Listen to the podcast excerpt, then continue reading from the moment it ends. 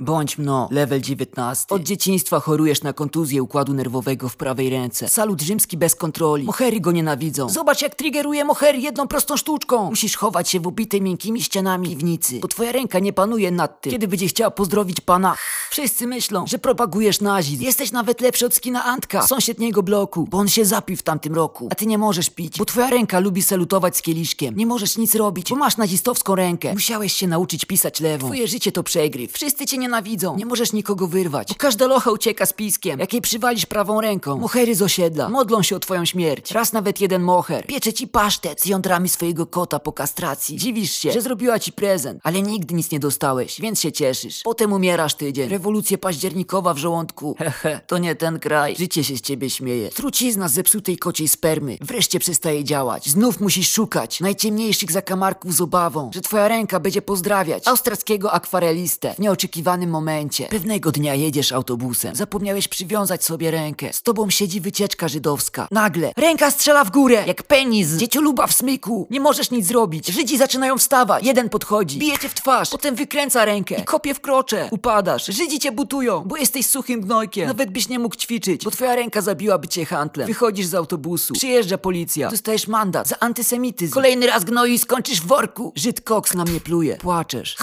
Ty skurwielu! Postanawiasz zrobić game over. Kupujesz tabletki. Próbujesz połknąć tabletki. Ale nazistowski władca twojej ręki ci na to nie pozwala. Tabletki rozsypują się po całym domu. Nie możesz ich zebrać, bo ręka wbija się w podłogę. Z każdym skłonem. Rezygnujesz. Chyba musisz żyć. Ludzie zaczynają cię coraz bardziej nienawidzić. Musiałeś rzucić szkołę po gimnazjum, bo ksiądz chciał cię udusić różańcem. I typy z oazy codziennie ci bili. Żyjesz dalej, samotniczym życiem koczownika. Rodzice cię wciąż karmią i utrzymują, ale próbujesz pracować. Kosisz trawniki jedną ręką, bo druga zawsze wtedy salutuje. Twoja ręka nie nadaje się nawet do przybijania pieczątek na poczcie. Zwolnili cię w pierwszy dzień, jak przyjebałeś pieczątką przełożonemu w czoło. Jest ciężko, ale próbujesz jakoś żyć. Budzisz coraz większą nienawiść wśród sąsiadów. W pewną niedzielę ksiądz mówi w kościele. Jest taki nazista na osiedlu i trzeba go nawrócić albo zutylizować. Pielgrzymka moheru idzie pod twój blok. Wszyscy stoją pod oknem. Wołają. Wychodź heretyku zły! Otwierasz okno. Twoim oczom ukazuje się morze czerwonych i czarnych beretów z antenką. Nie wiesz co zrobić. Nagle twoja prawa ręka szybuje w górę. Oczy wszystkich rozszerzają się. Nazista! Na sto z nim! Lecz nagle objawienie przychodzi do twego umysłu. Zdajesz sobie sprawę, że twoją ręką panował inny człowiek, inny zbrodniarz wojenny. Wołasz. Abemus papam! Wszystkie mohery wydają okrzyk i padają na kolana. Jesteś wysłannikiem papieża. Teraz to wiesz, twoje życie nabiera sensu.